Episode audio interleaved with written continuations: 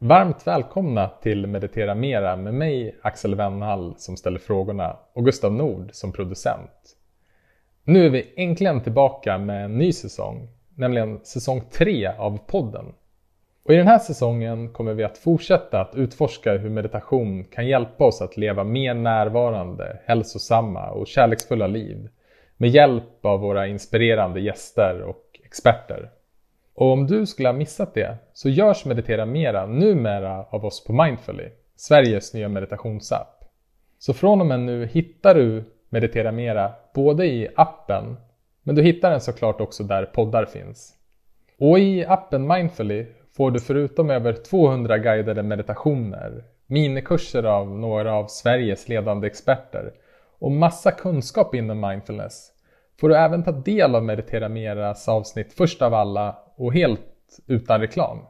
Och om du undrar vad som händer med Breedin så kan vi meddela att vi kommer fortsätta att arrangera meditations och äventyrsretreats. Och just nu håller vi för fullt på att planera för våra retreats 2021. Vi kommer hålla dig uppdaterad här i podden och du hittar även mer information på vår hemsida breedin.se. Men nu över till säsongens första gäst. För just nu i coronatider så sitter både jag och Gustav hemma. Och vi ska precis ringa in till Helena Kubicek Boye för att prata om meditation och sömn. Helena Kubicek Boye är legitimerad psykolog. Hon är KBT-terapeut och mindfulnessinstruktör. Helena är föreläsare och har bland annat talat på TEDx om sömn. Hon har även tagit fram Storytels somnatexter med Mikael Persbrandt. Helena är författare och har bland annat skrivit deckarna om psykolog Anna Varga, men även flera böcker om sömn, som Sov gott, Sömnsagor för barn och Konsten att sova. Och sömn är precis vad vi ska prata med Helena om idag. Varför har vissa så svårt att sova? Hur kan meditation hjälpa oss att sova bättre? Och vilka tips har Helena till alla oss som vill meditera mera? Ja, ny inspelning. Den har börjat. Vi är också igång. Nice. Alright, men eh, ska vi köra igång? Det gör vi. Okej. Okay. Hej Elena, kul att råkas här över Zoom. Ja, roligt att det äntligen blev av Axel. Vi har ju försökt ett tag. Ja, vi hördes ju redan här i våras men av eh, ja, förklarliga anledningar så kunde, kunde vi inte ses då. Eh, men nu så ses vi äntligen så här och det känns, eh, ja, men det känns jättekul att få träffa dig och eh, prata om meditation och sömn. Ett ämne som jag tror eh, ja, men, är både relevant och intressant för många av våra lyssnare och det är definitivt det för mig. Så en kanske relevant fråga till dig, hur har du sovit i natt? Jag har sovit jättebra i natt. Jag, jag, är ju ganska noga med min sömn då. Jag lägger mig ofta samma tid och går upp samma tid. Det, så att ja, jag har sovit bra. Själv då? Ja, men, eh, jag har haft några nätter då jag har sovit. Jag är också väldigt noggrann med min sömn, men jag har vaknat lite tidigare. Så att eh, jag brukar ha mina åtta timmar. Nu har jag haft två, två nätter med sju timmar och det känns. Mm. Men, eh, ja, men jag känner mig ändå pigg just nu. Mm. Du, jag tänkte innan vi ska gå in och prata lite mer om sömn och hur viktig sömn är för oss människor så är jag lite nyfiken på hur det kommer sig att du började meditera och din bakgrund och hur mm. du praktiserar meditation idag.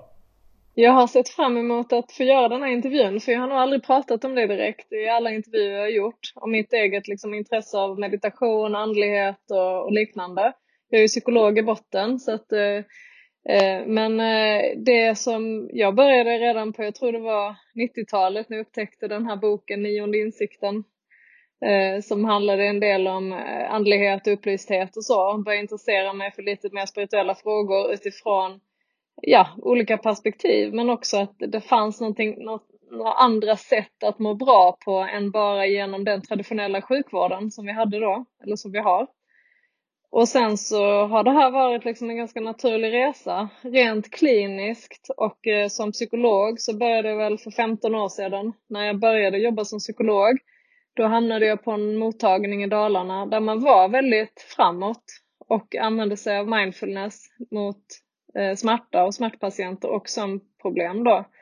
Så jag är väldigt tacksam för att jag redan då, det är 15 år sedan, fick hade en ganska hård eh, handledare då som sa till mig liksom, ska du leda de här grupperna med mig, då vill jag att du gör exakt som patienterna gör de här åtta veckorna.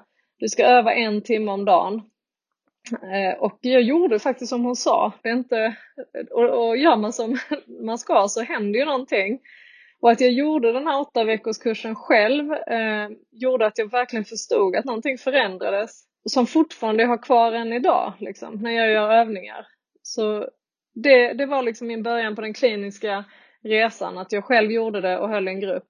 Eh, sen har jag egentligen alltid återkommit till någon typ av meditation, yoga, avslappning hela tiden mer eller mindre. Och sen nu senaste två, tre åren så gick jag och utbildade mig vidare till mindfulnessinstruktör så jag håller själv eh, gruppen nu. Och sen så har jag även liksom integrerat det här med sömn där man pratar mycket om visualiseringsövningar och annat och det kan vi prata mer om sen. Men så det har funnits ett intresse rent privat under många, många år men också då eh, kliniskt i mitt arbete har jag kunnat liksom integrera det nu. Hur och vad har meditation tillfört i ditt liv? Alltså jag skulle säga att otroligt mycket livskvalitet eh, kommer utav eh, stillhet och övningar. Jag har eh, fått eh, möjligheten att lära känna mig själv eh, bättre. Jag tror att det här är någonting som har gett mig både vänner, sammanhang och det ger ringar på vattnet när man lever eh, i, i tankar på stillhet och, och sig tillbaka. Så att eh, det är faktiskt en ganska stor del av mitt liv eh, som eh, även liksom jag använder till exempel, går jag och badar, jag badar kalla bad liksom det är ett sätt för mig också att vara i nuet och meditera. Så det är liksom någonting jag ändå har med mig. Sen för att lägga till då så jag tycker också personligen att hade jag inte, alltså det här med stress liksom, jag, väldigt sällan jag känner mig stressad. Eh, och jag tror det är där man har tränat sig också att gör jag en sak så gör jag det.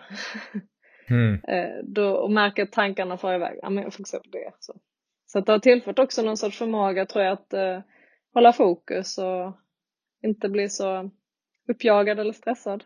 Mm. Det, det, det jag är tacksam för som har, som har hänt de här 15 åren när jag både har jobbat men också privat intresserat mig för, för meditation, det är faktiskt att det har blivit mycket mer eh, validerat genom studier och det går att liksom påvisa att det här fungerar. Och det är den sista biten av mitt intresse att när jag väl började fördjupa mig, ni hade jättebra genomgång i er, någon av era avsnitt också, vad forskningen säger då blev det på något sätt sista liksom så här checken på att det är klart, det här är så värdefullt eh, för oss allihopa. Det förändrar hjärnans struktur, sättet att vara, medkänsla, empati, allt det där. Ja, men det, vi kan ju ha bättre eller sämre anledningar för att tro på någonting och eh, vår egen upplevelse är, är ju alltid vår egen auktoritet, men det är också lätt som människa att vilseleda sig själv. Så att eh, jag, jag förstår precis vad du menar. Jag har sett för mig själv att den rationella, rationella delen av mig har fått extremt mycket energi och inspiration av forskningen. Att på något sätt att det jag själv upplever går att validera kliniskt och går att validera med olika experiment. Men också kanske att eh, det är så lätt hänt att man upplever starka, man har olika typer av upplevelser i meditation. Det är också väldigt lätt hänt att man börjar skapa berättelser kring det. Så där kan jag också se att forskningen kan på ett sätt hjälpa en att inse, att precis som meditationens uppgift, i alla fall mindfulness-meditationen, att försöka observera det som är precis som det är. Att det finns en liknelse mellan den vetenskapliga metoden och, och den metodiken när vi mediterar. Mm. Om vi går tillbaka då till sömn, hur, hur viktig är sömnen för oss människor? Vi vet ju, det, det är också sömn som forskningsområde är relativt nytt med tanke på att tekniken har blivit bättre de sista tio åren på att mäta vad händer liksom. Så när jag började jobba med sömn också för 15 år sedan så visste vi en del men vi vet mycket mer idag.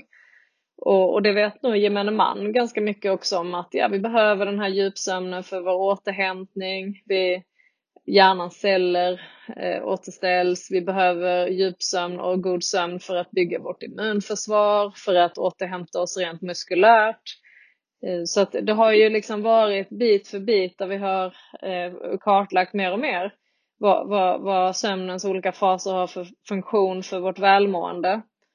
Och det, det tycker jag är jättehäftigt, och, men det är fortfarande ganska liksom alltså det, det pågår fortfarande forskning för att säkerställa långtidseffekter av för lite sömn, långtidseffekter av att eh, använda sömntabletter under en längre period och så. Men det finns ju ganska allvarliga tecken på att det ändå försämrar vår hälsa både på kort sikt och lång sikt om vi har för lite av, av sömn och att vi blir lättare sjuka i både ja, förkylningar och annat men också i allvarliga sjukdomar. De direkta konsekvenserna som mina patienter möter eller märker när man har sovit dåligt kanske ett år eller något sånt, det är ju liksom minnesproblem, koncentrationssvårigheter, man drar sig tillbaka socialt, man eh, känner sig nedstämd. Eh, en del är rent utav helt förtvivlade för de känner, jag hade någon, han sa jag har inte sovit en natt sedan 2014. Liksom. Då, då, det är rätt tufft va, så att eh, det kan bli ett stort lidande av det också. Mm. Nej, men för att jag tänker att det vi tidigare har sett som liksom viktiga nyckelkomponenter i ett hälsosamt och kanske lyckligt liv som kost och träning. Att Eh, det, det jag liksom ser de senaste åren är ju också dels sociala relationer, hur, hur viktigt det är för oss människor. Eh, där vi hade ett samtal med Daniel Ek som också är med i appen och har en kurs om relationer. Och sen såklart meditation. Men på något sätt så är sömnen så pass fundamental och viktig så att den, den, liksom, den möjliggör på något sätt allting annat. Hur liksom, om man ska på något sätt kategorisera de här eller vad, hur viktig är sömnen? Mm, jättebra fråga. Jag har ett ganska enkelt svar. Man tittar på hur länge man överlever olika, utan olika saker. Och då, eh, det första eh, vi behöver för att överleva är ju syre då. Vi måste kunna andas. Det andra är att vi behöver vätska, dricka. Sen det tredje är alltså sömn och det kommer alltså före mat eh, för att titta på ren överlevnad. Så där kan man ju se, liksom, som du säger, grundfunktioner för att vi ska fungera. Och det finns rysliga experiment gjorda på djur tyvärr, där man har hållit valpar vakna x antal dygn. Och de har fått mat, men de har inte fått sova, de har dött alltså. Och eh, ja, lik, liknande så. Eh, det är inte så ofta att människor dör av, vi har ju sett att liksom medicinera och få ner i sömn och så. Men eh, det, det, är så pass viktigt ju för vår överlevnad. Det kommer så högt upp på det. Mm. Ja, sen finns det ju sådana här studier som visar på att ja, sover du mindre än sex timmar per natt så eh, dubblerar du risken att få cancer och så. Eh, de får man ju alltid se över lite mer, den typen av studier. Va? Men vi vet liksom att eh, tillväxten av cancerceller och liknande blir, blir tydligen mer, mer då för att man inte sover och får den återhämtningen och immunförsvaret får jobba på samma sätt. Mm. Hur eh, ser eh, sömnproblemen ut i Sverige idag? Finns det några siffror? Eh, ja, det finns siffror. De förändras lite grann sådär, men konstant brukar man säga att var tionde person, lite mer än det, har alltså så pass svåra sömnproblem att de söker eller behöver klinisk hjälp för dem. Och sen ser man till generellt så är det var fjärde person upplever att de har problem med sömnen till och från. Sen det, och det här är stressrelaterat då framförallt som jag träffar de flesta. Stress, smärta, oro, alltså det psykiska. Men sen kan man lägga till också att en del har problem med sömnen på grund av snarkning, eh, sömn, alltså apné, andningsuppehåll, eh, allergier, restless leg och sånt. Och då är det så mycket som var tredje person som har eh, dålig sömn om man ser till hela gruppen. Liksom. Okay. Mm. Du var inne på ett par olika typer av eh, sömnproblem. Varför har vi svårt att sova? Vad är det som gör att vi människor... För om man reflekterar över sömn så borde det vara det mest naturliga som finns för oss människor. Så varför har vi svårt att sova idag? Precis som du säger brukar jag säga också. Det är, ett, vårt mest naturliga beteende som vi inte ska behöva liksom medicinera för eller liknande. Vi har det i oss. Men ja, det finns ju ibland lika många anledningar som det finns människor till varför man inte sover såklart. Eh, eh tittar man på barn, sömnmönster och sömnproblem så har de förändrats och försämrats sedan 2007 ungefär och det var ju då när eh, digitala, alltså smartphones och liknande kom. Så vi kan ju relatera en hel del av de sömnproblemen säkert till digitaliseringen där vi har informationsflöde ständigt och vi har en arousal, alltså en vakenhet, en bevak... Alltså man tänker sig gamla jägarsamhället när vi satt i våra grottor. nu är det liksom eh, hela tiden någonting som händer. Eh, jag vet till exempel nu under pandemin så har jag fått eh, mycket samtal från föräldrar som tycker att de tycker det är konstigt att deras tonåringar plötsligt vill sova i deras sängar och komma in i sovrummet. Men det är precis som liksom mycket av det här som farliga som är på den andra sidan eller långt bort, det har liksom flyttat hem till oss in i våra hem med våra telefoner. Så jag tror att eh, vi kan inte värja oss mot otäcka och stressen och så på samma sätt. Det är en anledning tror jag. Sen är det ju ja, hur vi lever generellt med stress, med ekonomisk oro. Det är den vanligaste orsaken till nästan oro på kvällen. Eh, man oroar sig för sin ekonomi eller för sin hälsa eller för att man inte ska kunna somna. Det kan också vara såklart sjukdomar och fysiska problem som orsakar det. Men tittar man så tror jag att det är mycket relaterat till eh, att vi har svårt att koppla av. Och det är därför jag gör de här sömnmeditationerna både för barn och vuxna. För jag tror vi behöver verktyg som motvikt till det här. Mm. Ja, men för jag ser att det finns eh, två typer av eh, olika faktorer. De externa faktorerna och sen de interna faktorerna. Och jag tänker att det är de interna faktorerna som, som vi ska djupdyka i idag. Eh, även om det är intressant att höra eh, dina synpunkter på vad man kan göra för, på det externa, vad man kan bli mer medveten om och vad man bör tänka på när det gäller sömn. Men du har sagt att det är en gåva att inte kunna somna och inte kunna sova. Ja, jag gjorde en TEDx eh, om det och då tänkte jag så här att det är lite så jag ser på det. Alltså när du, när du inte kan somna under en längre period eller vaknar på natten och inte kan somna om så är det en väldigt tydlig signal från din kropp att någonting är i obalans. Det är någonting som inte stämmer riktigt. Och bland det, om jag ska raljera lite, bland det sämsta du kan råka ut för det är att du, du går till din läkare och så säger du så, oj jag är så sjukt stressad, jag, jag kan inte sova liksom. Så får man ett paket sömntabletter så kan du gå hem, fortsätta stressa och bete dig som du vill och här får du liksom sova på artificiell väg. Och då har man sett att det leder längre in i utmattning och, ut, och sjukskrivningar. Så att jag tycker liksom när du får en period av att du sover dåligt så ignorera inte det utan se det lite som ett budskap från din kropp. Jag säger en gåva då, men att ja, men vad, vad, är det, vad är det som händer? Vad är det som oroar mig? Vad kan jag göra någonting åt det? Är det saker jag kan påverka? Eller är det saker jag inte kan påverka? Då får jag kanske jobba med acceptansen om jag inte kan hantera det eh, genom att förändra det. Då får jag, alltså, så att jag tror ju att ett sömnproblem uppkommer ju sällan bara sådär, oj plötsligt en dag så kan jag inte sova. Det kan ju hända eh, väldigt ovanliga fall men då har det oftast föregåtts av någonting annat. Så jag tycker att det är en signal där man kan ta reda på och behöva stanna upp och fundera på vad det är som är obalans i min kropp eller i själen eller i, i tankarna. Mm. Jag läste någonstans att vi, vi människor är, är liksom den enda arten som, som kan beröva sig själva sömn utan något riktigt starkt motiv. Och, och, men, men också att jag kan se att den kopplingen mellan också att vi är den enda arten som har tankar som vi tror på.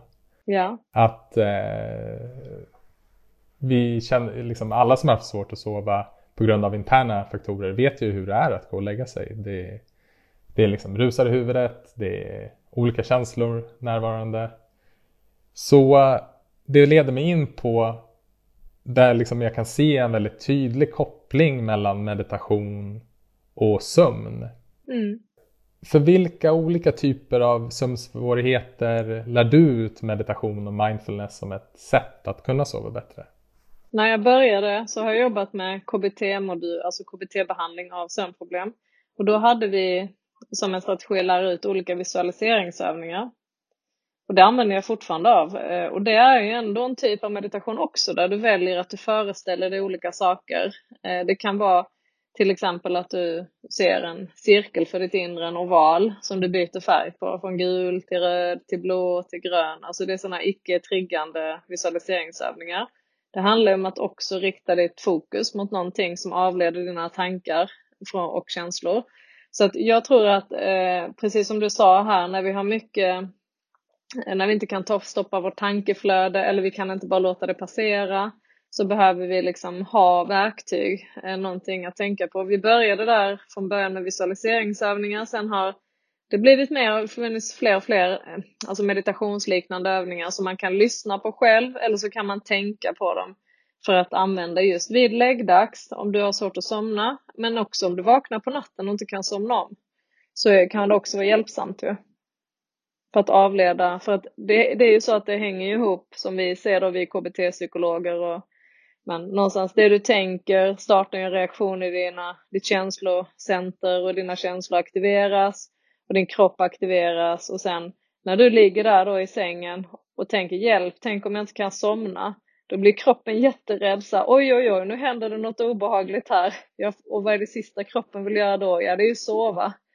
Ehm, så att eh, då ska vi vara vaksamma och vara på alerten för nu är det någonting obehagligt här som vi tänker på. Så att det är där i den kedjan som man behöver meditation eller någonting att tänka på för att bryta. Ja men exakt och jag ser att att, att kunna lära sig hur, hur liksom vilka mekanismer som är igång, att kunna bli medveten om det kan ju också göra att vi snabbare kommer tillbaka till närvaro, att vi inte följer med tankarna lika länge. För mycket forskning pekar ju på att eh, hjärnan har ett, det här sammankopplade nätverket som eh, kallas Default Mode Network på engelska eller hjärnans standardläge och det tenderar ju att eh, aktiveras när vi människor vilar vilket vi absolut gör när vi går och lägger oss inför kvällen. Och när det här nätverket kopplas på så ser vi ju att ja, men, vi har mycket tankar som kretsar kring oss själva. Vi har mycket tankar som tar oss till framtiden och det förflutna. Alltså oron kommer från hur ska det gå sen? Och de här tankarna också tenderar att vara problematiska. Och det är egentligen inget problem att vi har de här tankarna. Utan problemet uppstår ju precis som du säger när vi tar de här tankarna för sanning. När, när det aktiverar olika känslor i kroppen. Vad, vad kan man se händer mera i kroppen när vi lägger oss och inte kan sova och är oroliga? Mm. Precis som du sa där så är det ju tankeflödet, känslor som kan sätta igång och det vanligaste är ju att man känner sig trött, bara nu, nu ska jag gå och lägga mig. Mm. nu känns det bra, nu går jag och lägger mig. Jag har legat på soffan lite och kopplat av, går man in och lägger sig så ligger man lite och sen plötsligt blir man jättepigg. Och så förstår man inte varför kan jag inte somna liksom. Och då, då är oftast alltså pulsen ökar, hjärtklappning lite, man börjar svettas, man börjar liksom känna sig rastlös i sängen och så. För då är det det sympatiska nervsystemet som aktiveras, precis som du säger, av det kanske naturliga tankeflödet. Men precis som många upplysta och munkar och liknande säger att vi ska inte tro på allting vi tänker. Eh, för man, har, man kan ju ha fel. Eh, så. Men, men där när vi ligger i mörkret och tystnaden så är det lätt att vi, vi köper allting för sanningar också. Det är inga distraherande moment och om man tidigare har skjutit undan en tanke under dagen så är det rätt lätt att den uppkommer på kvällen när vi ligger där eh, i vår tysta lilla värld. Liksom. Så att det är rent sådär så kan man hantera sånt genom att skriva ner lite innan man går och lägger sig, göra en inventering, en tacksamhetslista eller det finns ju mycket sånt man kan för att man inte ska ta med sig det in i sängen. Eh, så det, vi pratar mycket om det här just att eh, det är lätt att det är mycket som kommer upp när vi går in i tystnaden och stillheten och är man då inte van vid det, alltså vi som mediterar har ju på något sätt övat oss en hel del i det och kan tycka att det är ett behagligt rum att vara i på något sätt. Mm. Ja.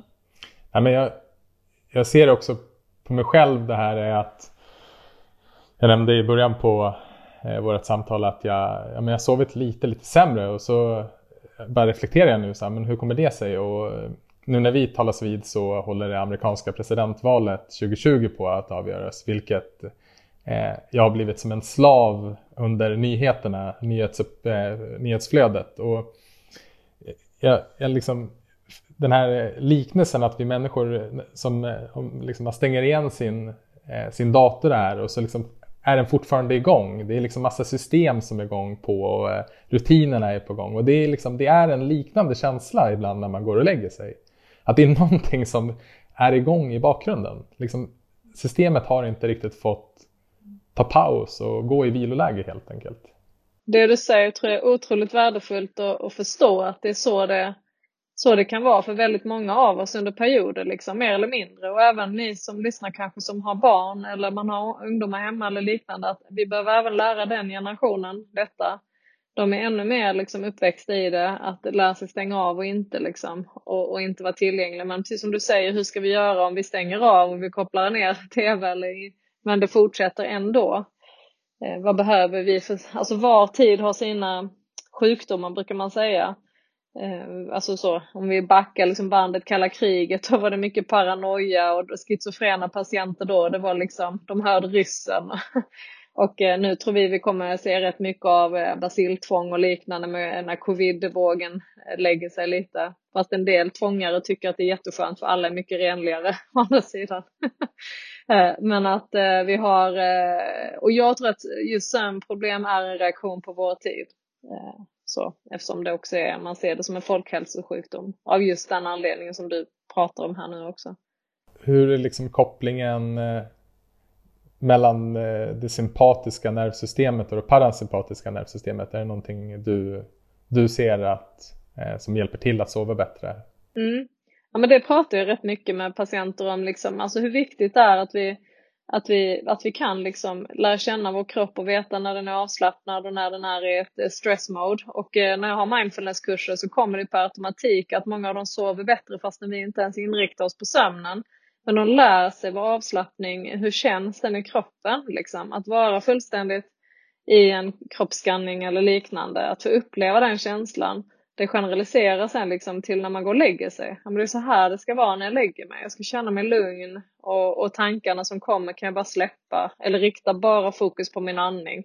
Man behöver ju övningen i det. Så att det, det är en viktig bit, definitivt. Att förstå att när kroppen är i det sympatiska nervsystemet är aktiverat och amygdala talar om för att nu är det dags att vara alert eller fly från situationen eller ta en flykt från det hela då blir sängen jobbig, eh, hela sovsituationen blir stressfull. Liksom. En ganska intressant aspekt med meditation och sömn är ju, vi, vi pratades vid det här lite grann innan vi satte på mikrofonerna, är ju att när, när det kommer till många som ska börja lära sig meditation så är det lite tvärtom. Sömn är ett av de hindren. För vi är så ovana vid att slappna av i kroppen så när vi gör det så är det lätt att vi slumrar till. Men eh, mindfulness meditation i alla fall är ju en övning i uppmärksamhet och medvetenhet och någon typ av vakenhetsövning, en stark komponent i det. Och eh, här, här finns det ju någon typ av, eh, liksom, skulle kunna finnas någon typ av eh, lite motsats här mellan meditation och sömn. Hur, hur liksom är dina tankar kring det? Men det, det är jättebra vi tar upp det och jag, när mina patienter börjar, så när man gör en övning till exempel så somnar de och så säger så gud vad trött jag blev. Men då så säger jag, du kanske var trött från början, liksom att man också känner efter lite. Men att såklart alltså kan det bli, är du väldigt stressad och uppvarvad eh, och att slappna av och känna hur det går ner i varv, det kan ju såklart leda in, och du har inte misslyckats med en övning om du somnar. Men jag har ju försökt liksom att dels skriva övningar som är mer inriktade på nedvarvning och visualisering än på mindfulness. Alltså för att hitta en liten skiljelinje där, att det är okej okay att somna under de här övningarna. Eh, som är en blandning då av det jag pratade om från början, visualisering och eh, alltså att du kroppsligen slappnar av. För att precis som du säger, rena mindfulnessövningar, då känner man ju sig alert och eh, vaken efteråt. Men medan de här är mer byggda, liksom, alltså tittar man på sömnmeditationer så har de en liten annan tonus, de är uppbyggda lite annorlunda, du går mot lugnare och lugnare tillstånd. Sen vill jag lägga till också att ACT, det har ni säkert pratat om, med Acceptance and Commitment Therapy, som är liksom en del av KBT som kom in för x antal år sedan. Den typen av övningar kan vara jättebra tycker jag som sömnmeditationer, eh, där man liksom väljer Alltså att ja, se tankarna som moln på himlen bara eller där du liksom guppar på en luftmadrass i, i, och låter liksom bara eh, acceptera allting som kommer. Så att jag tror att vi ser, det, det är en skiljelinje. Så jag brukar vara tydlig med mina patienter. Detta är en övning för att somna, men det här är en övning för att ha, träna din uppmärksamhet. Mm man, man, skulle kunna tänka att det skulle finnas liksom en, en, motsättning mellan meditation och sömn och att absolut så i, i liksom den vanliga meditationspraktiken så går det ut på att vara så närvarande som möjligt. Men närvaro är ju också, vi var inne på det, att det är någon form av vårt naturliga tillstånd. Alltså vårt naturliga tillstånd är när vi är närvarande och medvetna och sen blir vi distraherade i våra tankar. Så att också komma in med hjälp av meditationen i vårt naturliga avslappnade tillstånd förbereder ju oss, eller liksom tar ju oss in till sömnen som går liksom vidare, nästa steg i vårt naturliga tillstånd. Ja. Jag tycker också att eh, många av mina patienter, jag säger till dem, gör mindfulnessövning innan, innan ni går och lägger er. Sen finns det ju övningar som jag själv har gjort eller som vi kanske kommer göra senare idag där, som man kan göra i sängen. Men att göra en övning innan man går och lägger sig kan också göra att efteråt känner man sig lite, lite lugnare, man kanske får lite tankar man skriver ner på papper. Det kanske Alltså det är ett sätt som en del i sömnförberedande rutiner, brukar vi säga ibland. Liksom. Men det behöver inte leda, det ska inte leda till att du somnar, men det är ett sätt att ta hand om dig själv på kvällen, till exempel. Mm. Och göra en kroppsskanning, för exempelvis. Ja, men du du var inne på visualiseringar in, innan och nu pratar du om en kroppsskanning, alltså att man går igenom eh, kroppen och känner igenom alla de fysiska sensationerna. Vilka, vilka tekniker ser du är bra för att komma ner i varv, för att somna. Du har varit inne på några, men vilka, vilka lär du ut själv och vilka använder du själv? Jag tycker att det är lite olika vem man är som person. Något som funkar för en funkar inte för någon annan. En del personer vill ha sådana väldigt vad ska man säga, oladdade övningar som kan vara att du räknar dina andetag. Bara du börjar från 30 så kommer du ner till 0. 30, 29, 28, 27. När du kommer till 0 börjar du om på 30. Och det är typ av en fokusövning, för när du tappar fokus ska du börja om på 30 liksom. Och, och den tycker många om för den är så himla tråkig och den är så tydlig och börjar du på 100 är det för långt att räkna liksom. Och det är ingen fara om du kommer ner på noll och börjar på 30 igen, det har inte gått så lång tid liksom. Eh, den, eh, räkna andetag och sånt kan en del tycka är väldigt enkelt och skönt. Sen finns det den typen som vi pratar om där man visualiserar någonting eh, den är lite liknande också. Det är emotionellt väldigt oladdade övningar där du tänker dig en blå fyrkant, en grön fyrkant och sen byter du till en oval och så. Och varje gång du tappar fokus och tillbaka till det. Eh, så. Och det, de här är ganska liksom, de är lågaffektiva övningar. De är ganska ointressanta. De är inte så, om vi ska säga så, sexiga övningar utan de är ganska liksom eh, oladdade. Så en del tycker om dem. De är inte triggande på något sätt. Men sen finns det en del som inte alls tilltalas av den typen av, av andningsövningar eller visualiseringar utan där lär jag ut eh, att hitta sitt eh, ja, speciella ställe man går till mentalt när man ska gå och lägga sig. Och där har jag två fantastiska exempel på en dam. Hon, eh, hon drömde om att ha ett, en kolonilott. Så varje kväll hon skulle gå och lägga sig så planerade hon och gick in i den här kolonilotten och där ville hon ha tulpaner och så skulle rosorna klättra där och sen skulle hon helst ha en liten stol och en veranda och sådär. Så från att hon eh, tyckte det var hemskt att gå och lägga sig så fick hon plötsligt nu tid att tänka på sin, eh, på sin trädgård liksom och kolonilott och sen någonstans där somnar hon alltid. Eh, en annan man gav mig också, han, vi, vi jobbade lite för att hitta de här specifika övningarna men han när han skulle lägga sig så gick han in i alla gamla bostäder han hade bott i.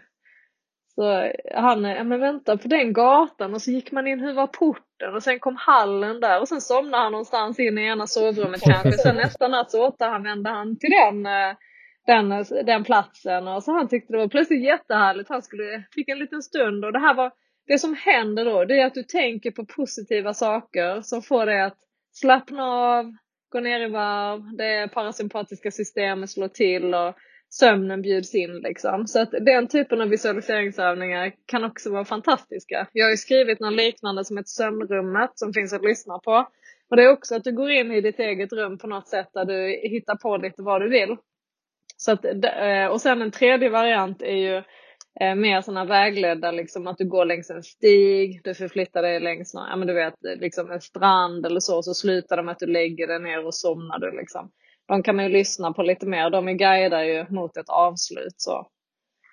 Så det finns ju väldigt mycket olika och där får man prova sig fram tänker jag. Vad man själv. En del vill ju bara lyssna på något eh, naturligt ljud, kan ju också vara skönt. Regnljud eller ja, så, vågor. Mm. Ja, men det leder mig in på nästa fråga kring just att använda telefonen som eh, verktyg när vi somnar. För vi själva har ju sömnmeditationer, det finns, eh, vi liksom använder ju telefonen som ett så himla tydligt verktyg. Och, och sen verkar det ju samtidigt som att liksom ganska tydliga rekommendationer är att vi ska stänga av telefonen eller liksom lägga ifrån oss den eh, någon timme innan vi går och lägger oss. Kan vi använda telefonen på ett skickligt sätt för att sova eller är det att föredra att inte använda den alls? Alltså jag tycker väl, eh, precis som du sa, du använder den som ett verktyg. Eh, du hade nog använt din CD-spelare annars. Eh, om du inte, för det, vi gör ju allting i vår telefon nu. Tittar man på studierna så hänvisar de ju mest till att eh, det är ljudet, eller vad heter det, ljuset från skärmarna men också vad vi gör i telefonen som påverkar vår kognitiva arousal och vår frisättning av melatonin.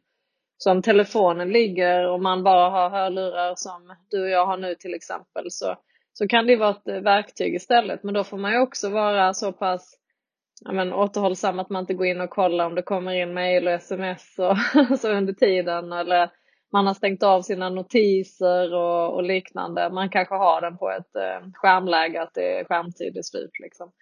Så att jag, jag, ser, jag tror tyvärr inte att vi någonsin kommer få ut telefonerna i sovrummet. Det har vi pratat om så länge. Eh, de är både våra veckoklockor och allt möjligt men vi får lära oss att använda dem på ett sunt sätt tror jag. Och jag har ju också förstått eh, av alla patienter jag har träffat att eh, många använder det. Lyssnar på ljudbok och somnar till det, lyssnar på sömnmeditationer och liknande. Eh, de meditationerna, sömnsagor jag skriver för barn till exempel, eller även för vuxna, de är uppbyggda lite så att du ska ju kunna lära dig de här utan att lyssna på dem eller läsa dem. Till exempel för barn, Sömnlandet. Har du läst den x antal gånger så när, kanske man kan säga till barnet så, det säger mina barn. Ja men mamma när jag inte kunde somna då satte jag mig på sömntåget eller gick in i sömnlandet. Att man på något sätt har då gjort en psykoedukation som vi kallar det där du har lärt din hjärna, precis som mannen som går in i sina olika ja, gamla bostäder eller så att du, då behöver du kanske inte till slut ha din telefon nära och lär dig efter ett tag själv. Mm. Har du några egna sådana visualiseringar, eh, några egna äventyr du tar dig ut på? Ja, nej, men jag brukar göra en kärleksmeditation när jag ska somna och den tänkte jag ska visa senare och prata om. Eh, den tycker jag är jättefin. Sen så eh, brukar jag säga liksom att man kan, vill man verkligen ha liksom så här ett fokus och man ska eh, att, att planera vad man ska äta imorgon, det är för tråkigt fokus. Det kommer du tappa fokus, då kommer du börja tänka på annat. Ska du planera din släktträff eller stort kalas så kommer det vara för stressande Rosal. Men en bra sån här grej är att fundera på så om jag skulle bjuda min bästa vän eller min partner på mat på fredag, vad skulle vi laga då till exempel? Så, så den, den, typen av mellanfokus brukar jag också lära ut lite, att hitta något sånt mellan så, som är lagom intressant. Inte för intressant och inte för tråkigt. Så somnar man någon gång där mitt i huvudrätten kanske så. Jag har ju haft, eh, jag har haft min som har liksom haft, eh, den kommer och går i, under, jag har gjort det under egentligen hela mitt vuxna liv. Jag fotbollsintresserad och så jag brukar gå igenom mitt favoritlag och så brukar jag placera ut olika spelare vilka jag tycker ska vara på planen. Mycket bra, mycket bra. Ja. Det fungerar ibland. Och när du tänker på det så får du en positiv känsla i kroppen, eller hur? Istället för att du skulle sitta och tänka på din ekonomi, om du inte har jättebra ekonomi förstås. Alltså det är väl få som inte alltså, oroar sig för någonting. Men att man, att, eh, man måste välja sitt fokus när man ska somna. Så, eh, tror jag. Vi har pratat en hel del om eh, olika sätt att kunna somna bättre och även sova bättre och hur meditation kan hjälpa oss att komma ner i kroppen i det naturliga tillståndet. Jag tänkte kolla lite grann hur du ser på det är inte alltid så lätt. Även om man ligger och sätter ut en, en startelva i ett fotbollslag eller tar sig till gamla hus och ibland, ibland så sover vi helt enkelt inte som vi önskar. Vad liksom, ser du att eh, meditation och, och de verktygen vi kan lära oss genom att meditera kan hjälpa oss när vi liksom även har svårt, eh, svårt att somna eller vaknar? Mm. Ja, men jag tror precis som jag sa att sömnproblem kan man gåva så kan det vara ett budskap till dig att det är någonting du måste justera i livet. Kanske är det så att din generella stress och ångestnivå är för hög eh, till vardags. Även om det är positiv stress så vet vi att stresssystemet är aktiverat. Och där tror jag liksom att eh, meditation och, och eh, mindfulnessövningar på daglig basis och att vara mer närvarande kan göra att du generellt sänker din generella stressnivå. Låt oss säga att du från 0 till 10, när du är uppe på 10 då har du nästan panikångest och huvudvärk och symptom och så. Medan eh, ligger du då konstant på en 7, 8 liksom, då är du alldeles för nära det området. Eh, att tänka så här, men eh, vad kan hjälpa mig att komma ner till en 4, 5 så jag ligger där till vardags. För en 1, 2 det är inte så, då är inte livet så himla spännande. Så man har ingen, eh, ingen arousal eller stress alls så. Men då tänker jag att just meditation och mindfulness, att göra som en självomhändertagande del, även eh, påverkar den generella oron och stressen så att vi kommer ner ett par etapper generellt och eh, hjälper oss på så sätt att eh, vara mer lugna inför kvällen också. Så att jag tror att vi kan ha det som liksom en eh, och sen att det tar tid Axel, det vill jag också säga liksom till det, det, är liksom, det tar tid att förbättra och förändra ett sömnmönster. Det är precis som allt annat. Det tar tid att lära hjärnan att tänka på ett annat sätt när man går och lägger sig kanske. Men det går att träna och jag har haft en patient, eller en föreläsning en gång så var det en dam som räckte upp handen och sa hon jag sover otroligt bra. Från att jag lägger mig tills jag vaknar. Sover åtta timmar, sa pang. Och så frågar alla liksom, va? Gud, hur har du gjort? Och så, nej, jag har tränat min hjärna. Jag har, koppl- jag har lärt den att koppla av och, och jag direkt när jag, så att det var så fascinerande att höra. Och så gör de i militära i USA också, att man lär sig. Så det tar tid också liksom och ge inte upp utan fortsätt med sådana här positiva övningar liksom, så kommer det ge resultat tror jag. Mm. Jag tänker på en, annan grej när det kommer till eh, sömnproblem och sömnsvårigheter som är, som är svår men, men som är så pass viktig. Det är också acceptans. Precis som du är inne på så att den, det livet vi har idag kan göra att det helt enkelt är svårare att sova med all teknik, eh, med all stress och alla distraktioner. Hur omvärlden ser ut. Och att det, det jag upplever oftast och det här är såklart i mig själv också, är att när man inte kan sova eller när man vaknar mitt i natten så adderar vi liksom en form. Det, det är jobbigt nog att, att inte kunna so somna eller att vakna upp, men vi adderar ett motstånd till det här. Och det här motståndet, det blir, liksom, det, det blir ett, kan ibland bli nästan ett större problem. Att någonstans, även om det såklart är naturligt för oss människor att sova så är det också en del av livet att ibland inte kunna sova. Och det är precis det som händer och att det här motståndet vi har mot att sova, det kan vi Liksom, vi kan, precis på samma sätt som du förklarade att vi kan träna våra hjärnor att sova bättre, så kan vi också träna våra hjärnor och vårt beteende att minska på det här motståndet. Mm. Och, och, förstår jag det rätt Axel, så är det alltså du menar motstånd, alltså rädslan för att inte somna, alltså eller det motståndet, vad, vad med, definierade du som? Ja men exakt, alltså, så till exempel när man vaknar upp mitt i natten och så har man svårt att somna om. Ja. Så uh, är det ju precis det som händer. Men alla tankar vi har kring att nej det här får inte hända, det här, nu kommer hela dagen imorgon bli förstörd. Precis. Alla de katastroftankarna, allt det motståndet som vi upplever. Exakt, och där vet vi studier visar på att de som accepterar sitt sömnproblem, de har alltså ett mindre, mindre besvär av sitt sömnproblem än de som inte vill acceptera det. Och eh, jag brukar ju få eh, en fråga alltid, hur sover du själv liksom? Och då säger jag så, jag sover för det mesta bra men inte alltid. Men sover jag inte så bra så brukar jag inte oroa, oroa mig för det. Utan eh, då vet jag att då kommer jag få en bättre natt snart igen och så. Men går man in och börjar oroa sig för mycket och, och bygga det här som du sa, motståndet och rädslorna kring hela, då börjar vi bete oss. Då har det här sömnmonstret på något sätt eh, blivit jättestort och tagit över. Istället för att man bjuder in det lite, ah, men häng med här nu, nu gör vi ett nytt försök liksom. Så att, eh, det är helt rätt. Acceptansen, eh, kan vi acceptera eh, att det är som det är så sänks också stressnivåerna i kroppen och vi blir lugnare och det ger oss eh, bättre möjlighet faktiskt för att somna om. Mm. Och, och det som är så fascinerande med acceptans är att att, att inte acceptera är liksom, det är en kamp vi aldrig kommer vinna. Vi är emot verkligheten, vi är emot det som är. Och när vi ser att det tar energi och precis, eh, väldigt intressant att höra om den här studien att de som accepterar sina sömnproblem, att det är ett mindre problem för dem också. Att, att bli lite mer medveten om det, om acceptans, tänker jag också är eh, en av, en av liksom nycklarna vi kan få i meditation och som vi verkligen kan träna på när man mediterar. Det är sant. Mm. Och jag tror nyckeln, alltså acceptansen också, eh, för mig också, hur jag har använt den i mitt liv. Alltså det finns ju saker jag verkligen inte vill acceptera i mitt liv, att de ser ut på ett visst sätt. Liksom, har gått igenom en skilsmässa och det är ju liksom någonting jag eh, jag vill ju ha mina barn alltid till exempel eh, och det vill inte jag gå och acceptera att det är så. Men när jag förstod att acceptans innebär även att acceptera sådant jag inte vill acceptera. Då föll liksom poletten ner att, och det har jag pratat mycket med patienter om också, föreläsningar, att det är också ett aktivt val att acceptera sånt jag inte vill acceptera och då bara känner man den här lättnaden. Det är okej, okay, liksom. Och, och, och, att man kan acceptera på det sättet också. Det betyder inte att jag tycker om det eller gillar det, liksom. Men jag accepterar att just nu är det så här. Nej, det är väldigt sant. Det finns, eh, acceptansen har alltid en nödutgång.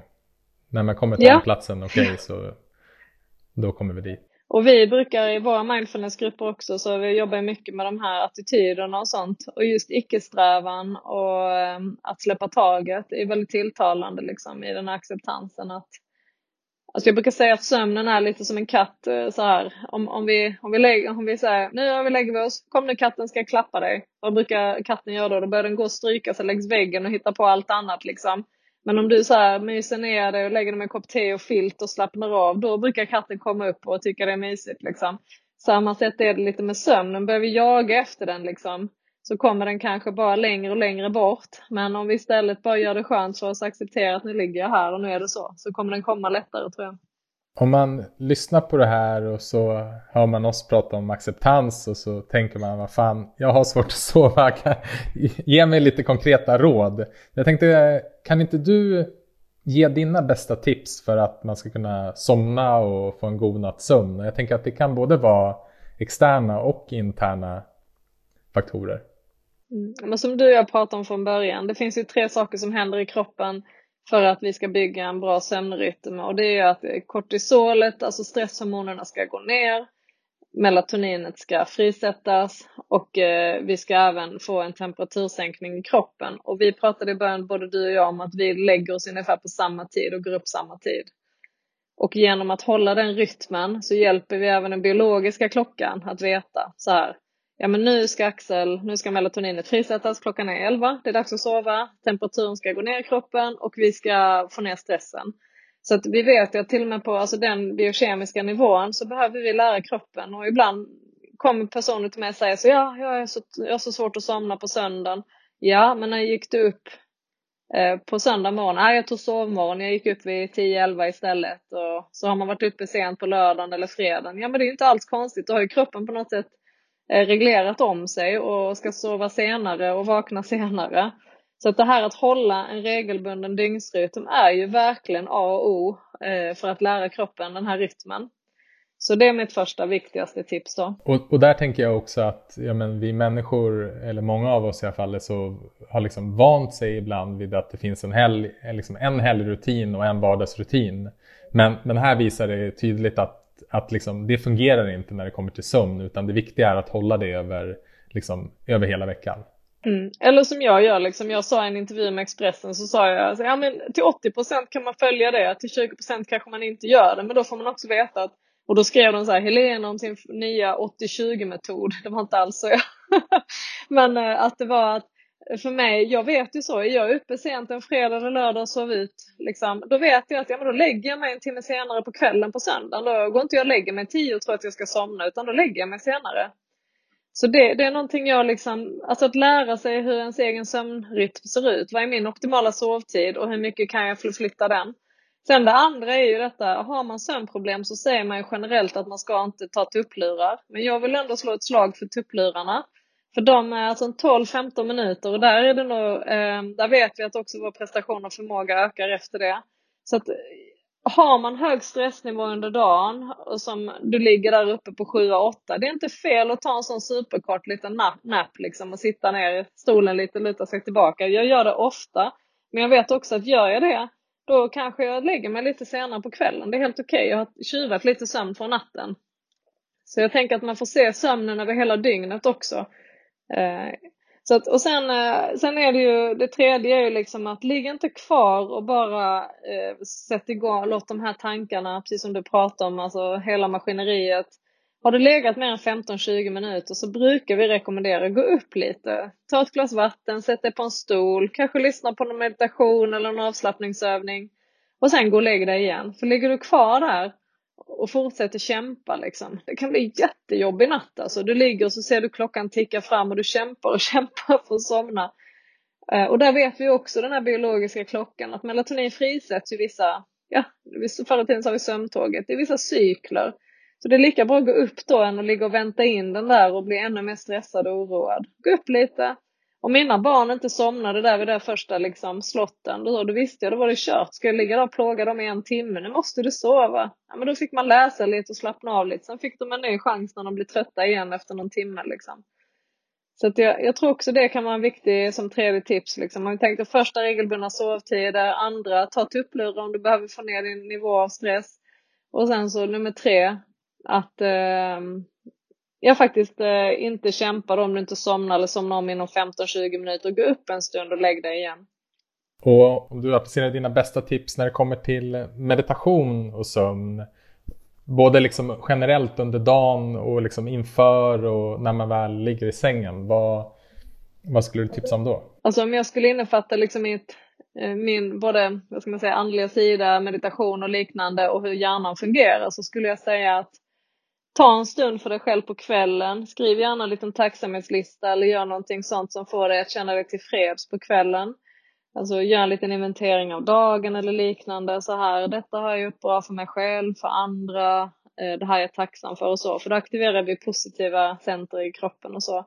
Sen är det väldigt många av mina patienter som gör sina kroppsscanningövningar på kvällen. De tycker att det är väldigt hjälpsamt evidensen för att eh, mindfulness hjälper vid sömn finns, men de är inte liksom så, så att jag kan gå ut och säga gör mindfulness varje dag så kommer du sova bra. Men det är ju väldigt bra för att eh, få ner stressen och lugnet och få fokus och sortera bort eh, tankar. Så att göra mindfulnessövning på kvällen, jättebra som en sömnförberedande rutin. Sen kan man ju ha med sig in i sängen om man känner att man behöver det. Något att lyssna på eller någon av de här övningarna vi har pratat om och tänka på när man går in och lägger sig. Då tänker jag på den här andningen eller räkna andetag eller eh, ja, jag får alltid, alla personer har lite olika övningar men att man har något, man har en strategi helt enkelt eh, för hur man ska mentalt eh, ja, möta sömnen på något sätt. Mm.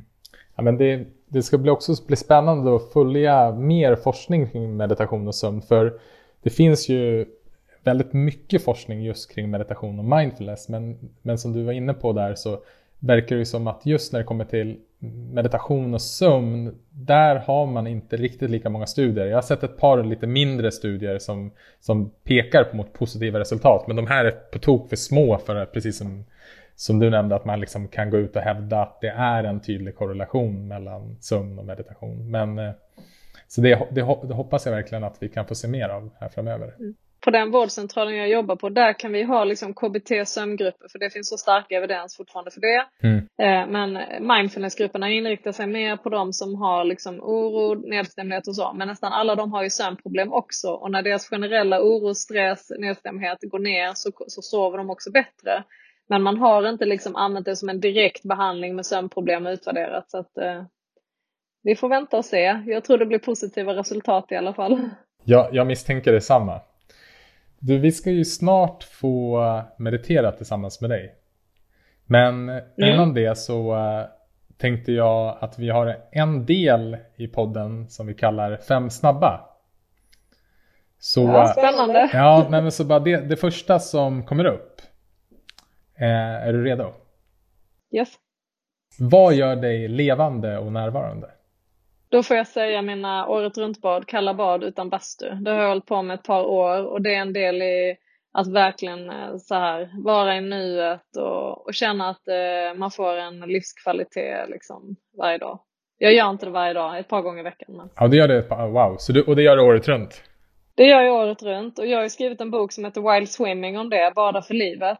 Och den är ju egentligen bara, alltså den, den kombinerar liksom det här med att vara i naturen, kalla bad och mindfulness för att det, det handlar inte om en prestation och sånt utan bara att där är andningen jätteviktig, att du kan bara vara och uppleva liksom. När du går ner i det iskalla vattnet så bara notera det. Ja, det är kallt, det känns så här liksom, men jag behöver inte agera på det. Eh, och sen går man ner och badar och sen, ja nu är det också, det känns så här och vara lite nyfiken. Alltså mindfulness-attityderna kan man använda på kalla bad också. Jag, jag har hört att det finns eh, eh, inom zen-traditionen så finns det en övning är, eh, där man liksom, ja men, där mindfulness-tillståndet, eh, klara medvetandet eh, är ju helt liksom utan begär eller motsättningar och då går det ut på att munkarna ska ställa sig under ett eh, iskallt vattenfall utan att reagera. Så det, det låter som eh, en lite liknande övning. Det är väldigt stoiskt men ibland tycker jag också det är kallt. men men det är, då känner jag mig levande också. Mm. Jag, jag och Gustav har skämtsamt sagt att eh, någon gång så ska vi arrangera ett badretreat. Vi, vi älskar att bada också. Gustav ger tummen upp här. Eh, mm. Gör ni det också året runt? Och liksom... Nej, tyvärr. tyvärr. Men eh, i år hade jag mitt första dopp i april i alla fall. Det tyckte jag var, det tyckte jag var bra. Det var fantastiskt. Jag älskar också kalla bad, men eh, det är någonting jag vill ha mer av. Mm. Men tillbaka till dina fem snabba. Hur tar du bäst hand om dig nu under pandemin? Um, ja, bra fråga. Vi, jag befinner mig i Skåne och vi har ännu mer restriktioner här nu. Men um, jag försöker liksom, uh, jag tänker inte så långt framåt nu längre. Jag lever mycket mer i nuet för dagen och det kommer automatiskt för många men jag tycker inte det är så ångestladdat utan jag förväntar mig inte så mycket framåt utan eh, se till att ha det lite gött varje dag.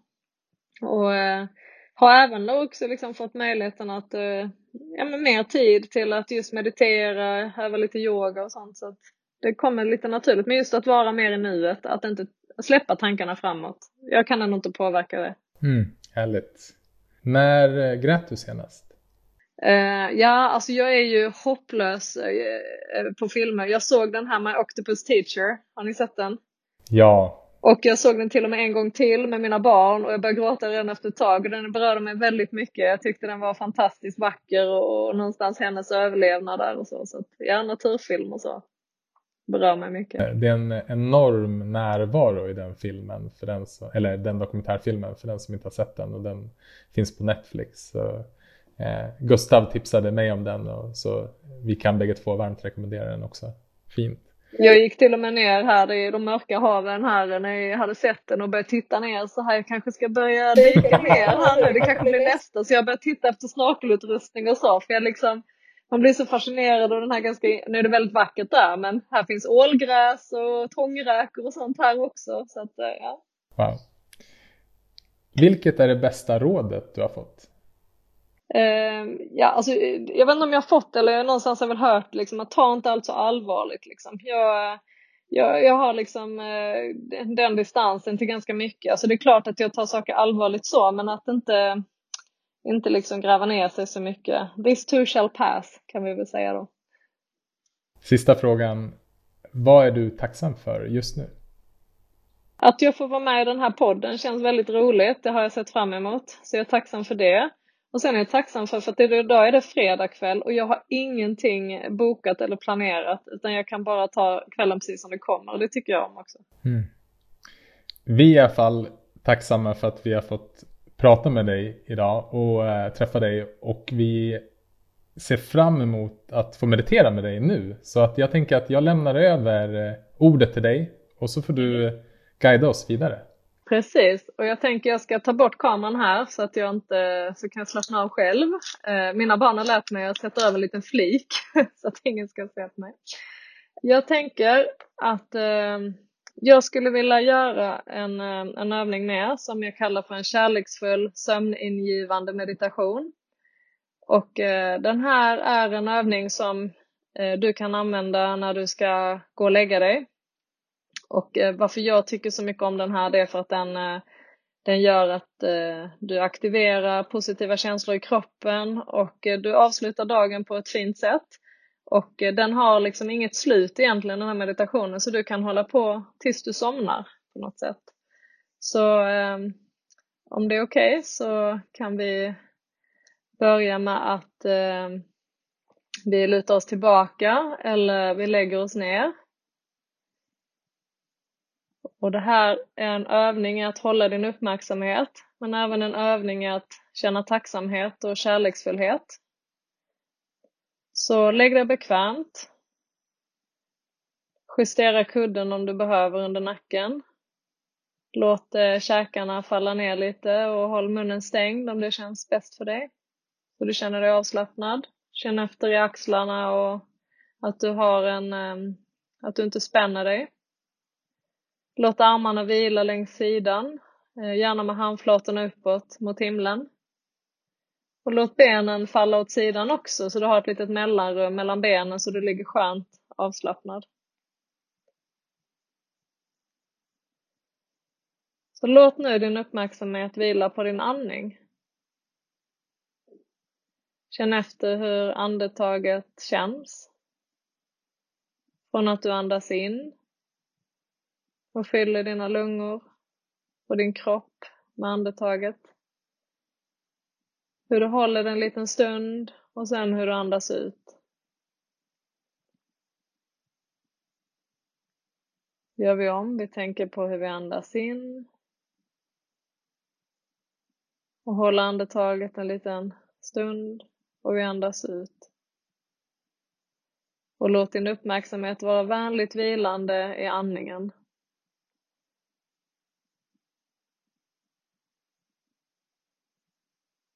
Varje gång din uppmärksamhet far iväg åt annat håll, det är helt naturligt, så ta mjukt och vänligt tillbaka den till din andning och fokusera några gånger nu på din andetag.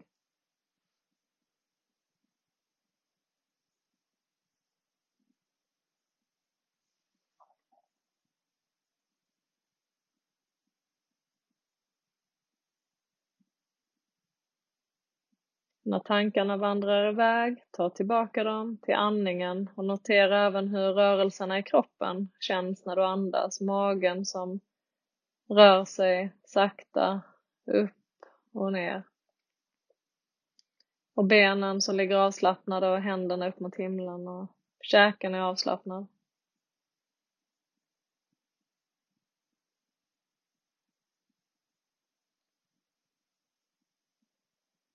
Nu ska vi göra en kärleksfull övning som handlar om att du ska rikta din uppmärksamhet eh, mot specifika tankar och kärleksfulla tankar. Och I den här övningen nu så ska du börja med dig själv och sedan kommer du röra dig från dig själv ut bland människor som finns runt om dig i ditt liv. Så du börjar med att du riktar din kärleksfulla uppmärksamhet mot dig själv. Och så ska du tänka orden Låt det högsta, bästa ske med mig. Jag är unik, älskad och underbar. Så du tänker så här, till dig själv säger du, låt det högsta, bästa ske med mig. Jag är unik, älskad och underbar.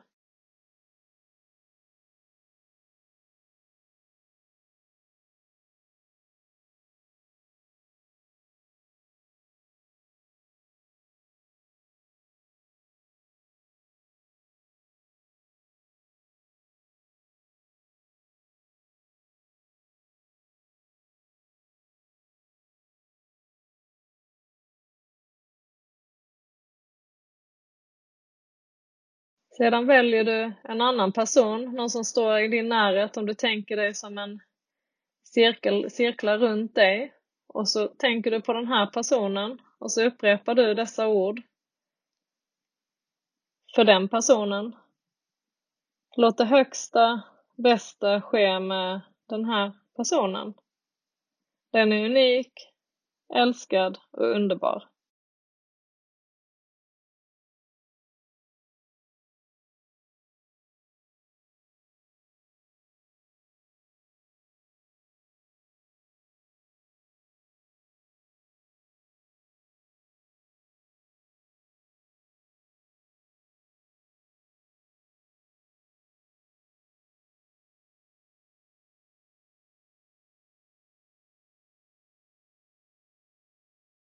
Nu ska du flytta din uppmärksamhet till nästa person som du har runt dig. Eller som du kanske har sett eller interagerat med under dagen eller tänker på. Och du ska inte värdera människorna runt dig just nu i den här övningen utan du ska ge dem samma kärleksfulla uppmärksamhet oavsett vilka tankar du har om den. Det kan vara någon som du har bara stött på under dagen. Det kan vara någon du har irriterat dig på. Det kan vara någon kollega, någon vän, någon släkting.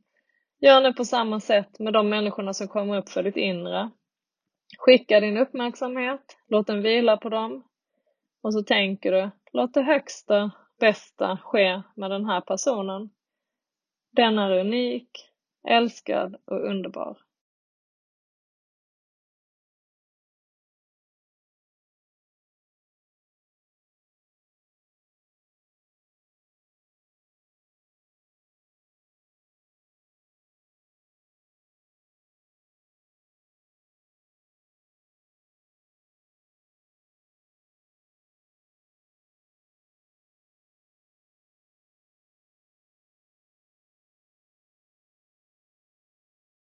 Och så fortsätter du så nu. Välj person för person och skicka det här mantrat till.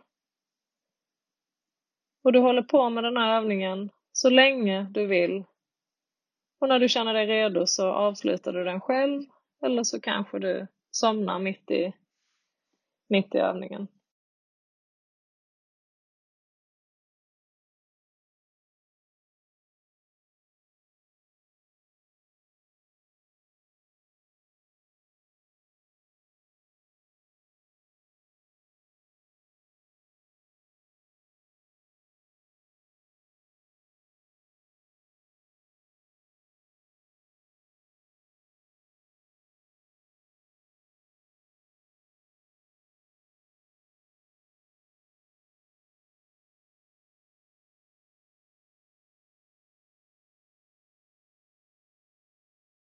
Är ni vakna? Mm. Det, har blivit, eh, det har blivit mörkt här utanför också så det har varit en eh, Ja, det har varit både en visuell upplevelse att komma tillbaka. Tusen tack för eh, den fina meditationen. Ja, varsågod. Jag tänker att det här är en övning som jag brukar lära ut och som eh, man får kanske lyssna på, men det är mer en övning du lär dig. Du lyssnar på den några gånger, sen så kanske du lär dig att göra den själv då, som ett sådant exempel. Mm just kärleksfull vänlighet eh, känns, som, eh, känns som ett himla, himla bra sätt att avsluta dagen med också. Ja, även då personer som man kanske, som jag nämnde i övningen, som man Alltså man ska inte döma, och värdera någon här utan ibland skickar jag uppmärksamhet till någon som stod framför mig i kön på ICA. Liksom. Det kan vara någon kollega. Alltså just det här att du vidgar dina cirklar från dig själv. Men det är viktigt man börjar med sig själv. För vi får inte glömma oss själva. Och sen går man ut kanske till sina barn, till sina föräldrar, till sina släktingar, till sina vänner. Och sen till slut är du i periferin och, och eh, somnar med en ganska behaglig känsla där du också övat på de här attityderna i mindfulness tycker jag. Mm. Tusen tack. Vi, eh, vi ska snart säga hejdå till dig för den här gången. Men innan vi gör det så tänkte vi kolla, eller jag tänkte kolla om det finns någon gäst som du skulle vilja höra eller tipsa om till Meditera Mera. Uh, ja, jag, eh, Annette Karlström, känner ni till henne? Nej, berätta. Henne vill jag att ni ska ta med. Jag lyssnar på en podcast som heter Buddha at the Gus Pump. Har ni hört den? Nej. Nej. Det är en amerikansk podcast där de har långa samtal, spirituella samtal, mycket om meditation och där hörde jag henne för flera år sedan. Eh, fantastisk kvinna, håller på mycket med oneness, meditation, vipassana och liknande och hon har live-meditationer en gång i veckan på nätet och jag har följt dem i flera år. Och, den här, och hon eh, intervjuas ju där på engelska men sen visade det sig att hon bor i Helsingborg. Så jag tog kontakt med henne för några år sedan och hon är en guru runt om i världen men rätt okänd här i Sverige. Så att eh, vi fikade och det kändes ungefär som när man träffar någon annan som man har den här gemensamheten med, som att vi har känt varandra innan. Liksom. Så att henne skulle jag vilja att ni, ni intervjuar om ni får tag på. Hon, det går att googla henne, hon finns ju. Anette Karlström med C. Tack, vilket bra tips. Och just den här oneness meditation, vipassarna, är en annan liksom form också som är bra att träna sig på. Mm. Verkligen.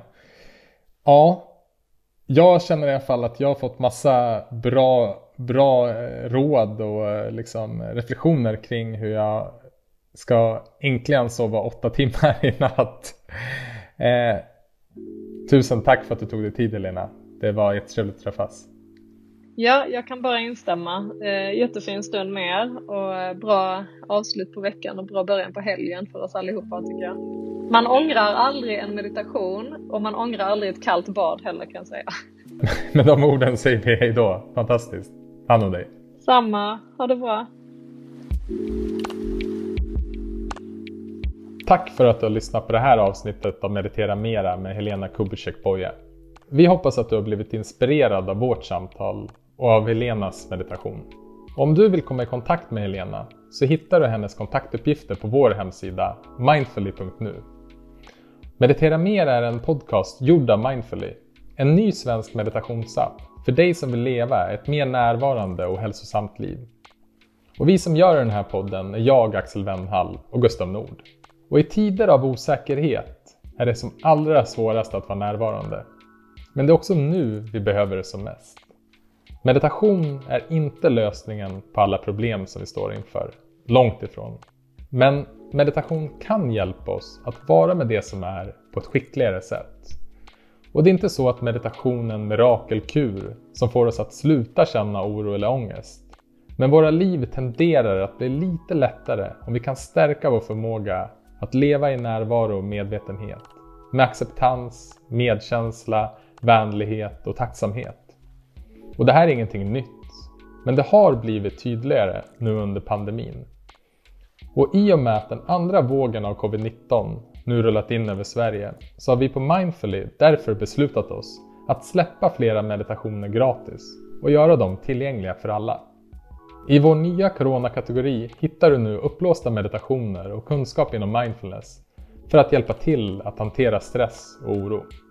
Och du kan också prova Mindfully gratis i sju dagar och om du gillar appen så kan vi varmt rekommendera dig att ta del av vårt lanseringserbjudande där du endast betalar 595 kronor för ett årsabonnemang. Och du hittar Mindfully där appar finns, både på App Store eller på Google Play. Och är det något vi har tagit med oss från vårt samtal med Helena är det att sömn till och med är viktigare än mat för vår överlevnad. Ta hand om dig.